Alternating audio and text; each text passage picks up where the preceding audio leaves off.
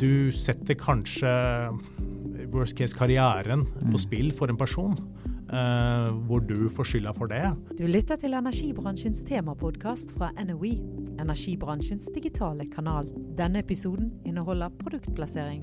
Du sjekker eh, Facebook før frokost, og du kommuniserer hver dag i mange ulike kanaler. Men kommuniserer du egentlig bedre med kollegene dine nå som dere sitter med hodet inn i hver deres smarttelefon? Jeg heter Sjul Kristian Aamodt og er administrerende direktør i Energy, energibransjens digitale kanal. Med meg i studio i dag så har jeg Thomas Rød fra Fuelit AS, selskapet bak Fuelbox, og Jo Tidmann fra Proactima. Sendingen presenteres av Fuelbox. Thomas og Jo, hvem er dere? Ja, mitt navn er Thomas Rød, jobber i Fuelit, selskapet bak eh, Fuelbox. Jeg har bakgrunn fra Forsvaret, i marinen, hvor jeg seilte med, med Jo bl.a., og fra olje- og gassbransjen. Og eh, har laget denne versjonen av Fuelbox med bakgrunn av det behovet jeg så eh, mot å styrke samhandling og arbeid med kultur innenfor spesielt disse risikoutsatte bransjene. Og Jo, hvem er du? Ja, Jo Tidemann eh, jobber med sikkerhet i selskapet Proactima. Eh, Proactima skal gjøre virksomhetene bedre i stand til å styre sin egen risiko. Eh, altså finne balansen mellom det vi ønsker å oppnå og det vi vil unngå. Eh, jeg liker å jobbe med mennesker, få dem til å forstå risiko, gjøre noe med det, samt klare å håndtere ulykker og hendelser på en god måte, altså ha en god beredskap. så er jo kanskje kjønnsbalansen i studio i dag eh, litt dårlig. Eh, men på den annen side, det er tre gutter her som skal prate om følelser og prøve å utlevere litt av seg selv, så det kan jo bli interessant. Med oss i studio i dag så har vi også en, eh, en sånn fuel box. Hva er det? Fuelbox er enkelt eh, fortalt en uh, plastikkboks med 180 spørsmål fordelt på ni kategorier, som eh, berører viktig tematikk. Altså det disse samtalene skal dreie seg om. En ting er å ha samtaler personer imellom, men det er viktig å ha de riktige samtalene og de viktige samtalene. og Det er det boksen skal hjelpe til. Så boksen har spørsmål som man kan trekke fra for å fasilitere akkurat den samtalen, og bevege seg inn på de viktige områdene. Og det er nettopp det vi skal prøve her i dag, så, så Thomas, da kan jo du trekke første spørsmål. Skal vi se, da kan vi ta et fra meg på jobb, for å være litt eh, personlig. Dette er jo den delen av, av spørsmålet som snakker litt om hva, hvem vi er. Så da trakk jeg et kort her som uh, sier hva skal til for at du kan si at du har hatt en fantastisk uke på jobb? Ja, jo. Ja, ja, det var det. Eh, som et minimum så må jeg vel ha en grei dose god stemning. Eh, og ha oppnådd noen ting som betyr noen ting for kollegaene, kundene og meg, tenker jeg. Altså, eh, min jobb betinger at jeg skaper refleksjon og støtter mennesker og virksomheter til å bli enda tryggere. Eh, så ei fantastisk uke bør da inneholde at jeg har flytta hodet på mennesker, kanskje. Eh, Hvordan får du tilbakemelding på at du har klart det? Ja, det, det er jo et godt spørsmål. Eh, Det at eh, de gir uttrykk fordi at vi har vært gjennom har gitt god verdi, uh, f.eks. Det at eh, vi ser at eh, det nytter gjennom at handlingsmønsteret, tankesettet, endres. De gir et uttrykk for at ja, dette var gode refleksjoner. Hva skjer eh, hvis det ikke er god stemning? Ja, det trenger jo ikke Det er ikke sikkert jeg får ei fantastisk uke, da. Skal vi prøve å ta et uh, nytt uh, kort her? Vi kan ta et nytt kort. Ja. Skal vi se øh, Prøve å ta en annen kategori.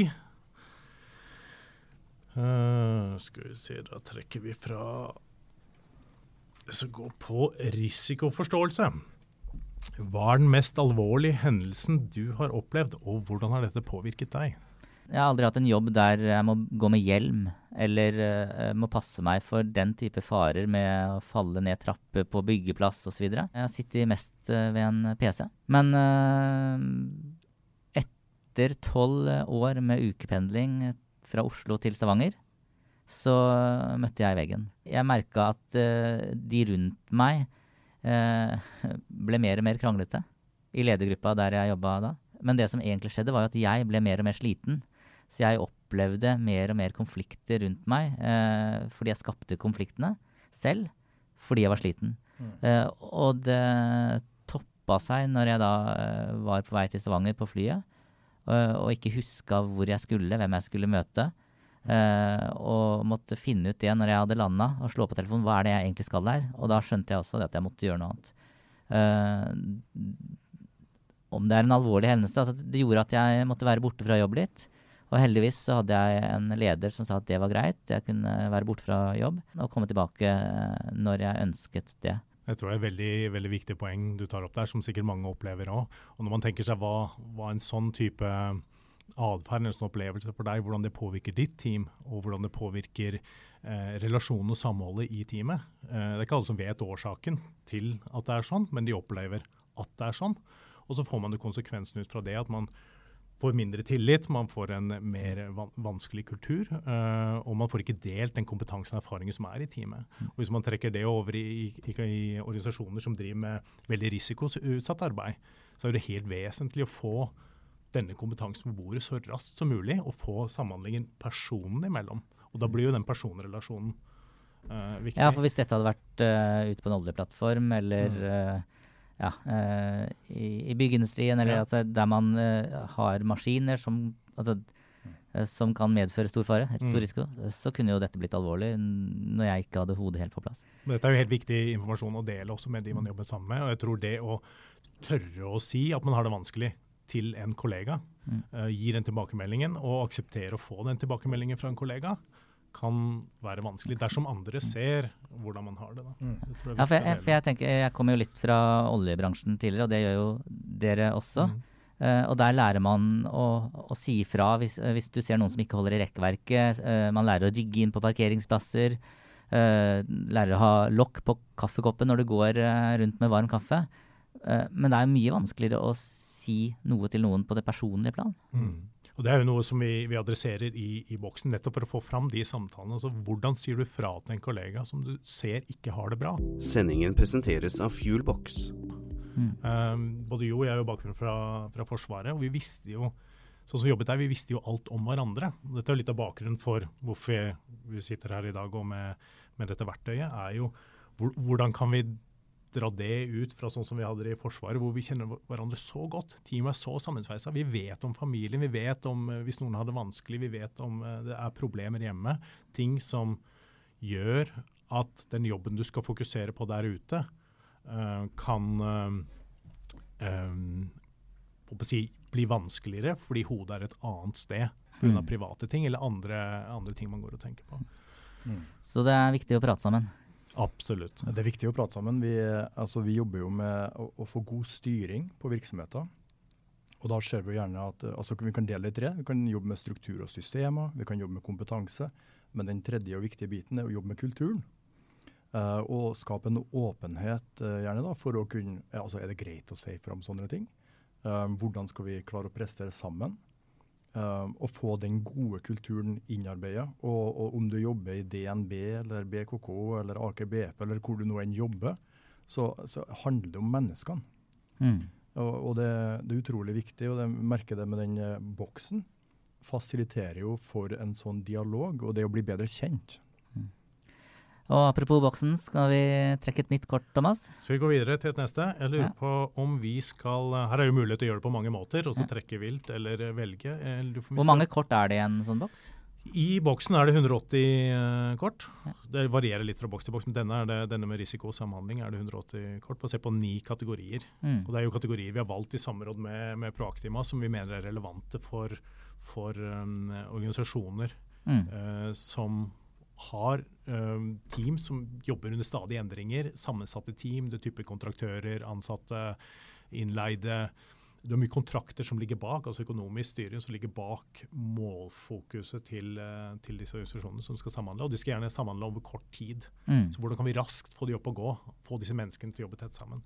Så 180 spørsmål, ni kategorier, hvor kategoriene er spesifikt valgt ut for dette formålet. Mm. Og også spørsmålsformuleringene sammen med, med Proactima her um, skal liksom treffe for å trigge disse diskusjonene som er relevante for denne tematikken. Mm. Vi skulle trekke et nytt kort, ja. dilemma. Jeg blir veldig ivrig når jeg snakker om dette. Ja, det er bra. Um, skal vi se Hvis vi tar dette fra dilemmakategorien. Det du går forbi, det har du akseptert. Hva tenker du om det? Ja, hva tenker du om det? Ja, det er et veldig godt spørsmål. Og det er si, mange ting opp igjennom som jeg tenker på rundt det spørsmålet. Et av de kanskje de vanskeligste er fra, fra tiden jeg var ute og seilte mye. Ja, I Forsvaret? I Forsvaret, ja. Uh, vi var lenge sammen. Vi var lenge borte fra familiene. Um, og vi jobbet lange dager. Og det som var vanskelig å ta tak i da, var jo dette som, som, som man sikkert kjenner fra andre organisasjoner, og dette med um, folk som ikke har det bra, og da tyr til alkohol. Mm. Uh, hvordan skal jeg som leder si fra til en medarbeider for ikke undergrave tilliten til medarbeideren, den lojaliteten og den teamfølelsen vi har, samtidig som jeg vet at det som skjer, ikke er greit i forhold til risiko, uh, oppgavene vi skal løse, og kanskje sette den andre i forhold. Hva gjorde du? Um, delvis begge deler. Altså Man har gjerne den én-til-én-samtalen for å prøve å, å, å, fasilitere det. Prøve å holde det i sjakk. Og så kan du ta aksjonen når du kommer hjem senere for å gjøre noe annet. Um, men det er jo sånn diskusjon med deg sjøl. Skal du si det fra til noen andre? Skal du diskutere med andre? Hvor åpen skal du være om at dette er et problem eh, blant et relativt eh, lite team?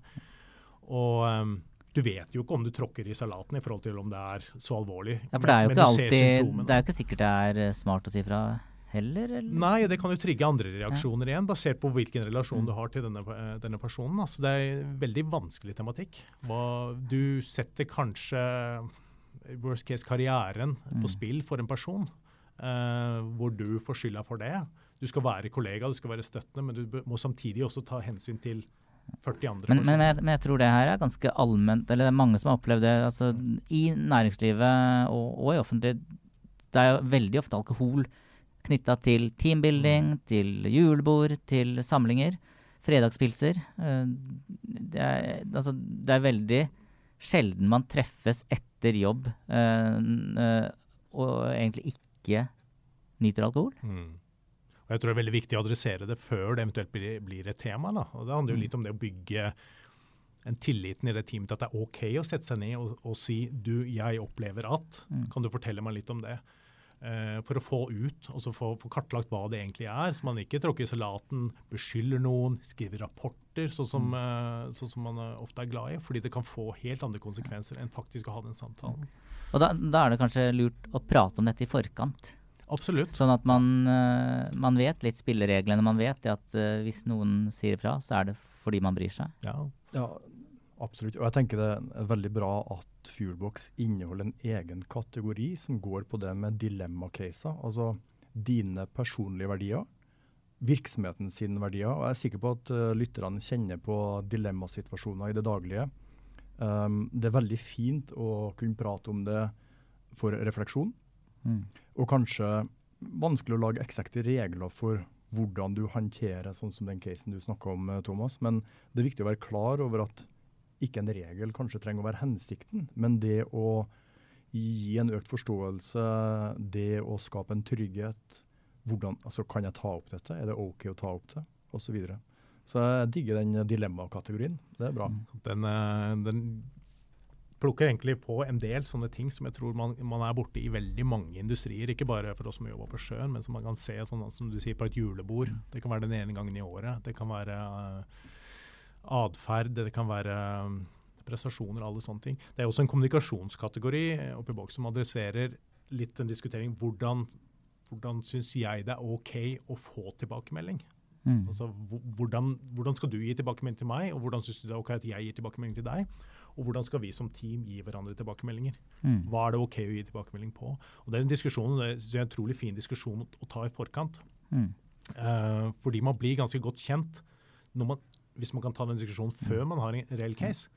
Så at du kan bruke det etterpå når du faktisk har en case, og kunne si fra på en ordentlig måte. Sendingen presenteres av Fuelbox. Og da handler vel eh, egentlig mye om det å ha tillit til hverandre. Mm. Er det ikke Jo. Du må gjøre deg fortjent til tillit. Og det handler om å stole på hverandre. Um, tenk for eksempel, altså Det ville ikke vært mulig å ha et sosialt liv hvis vi ikke kunne stole på noen. ikke sant? Tillit skaper relasjoner, og det er nødvendig for å skape trygge organisasjoner, gi en god arbeidsplass. og jeg satt og bladde litt i boksen her nå på, mens dere snakka, og det er, et, det er, et, spørsmål her som går på det temaet om samhandling, som gikk akkurat på det, som jeg stoppa på når du sa det nå. Det, det står 'Hvordan kan tillit påvirke måloppnåelse og suksess?' Ja, hvordan kan det? Ja, Jeg kom på et kult eksempel når jeg så det spørsmålet med en gang. Jeg bor jo i Bergen, uh, så nå hører jeg på dialekten. uh, vi, uh, altså, I Bergen så har nødetatene starta et samarbeid for en par år siden. Og vi er jo alle avhengig av at nødetatene fungerer bra. altså brann, helse og politi, hvis noe skjer. Og, og Jeg snakka med brannsjefen i Bergen, Leif Linder, nå. Han har fortalt at uh, innsatslederne i nødetatene i Bergen uh, de siste par årene har treftes hver onsdag for å ta en uh, kopp kaffe og bare bli bedre kjent med hverandre. Og det som um, det, de har oppnådd, um, det er at de har fått et betydelig bedre samarbeid ute da, når ting skjer. Uh, Pga.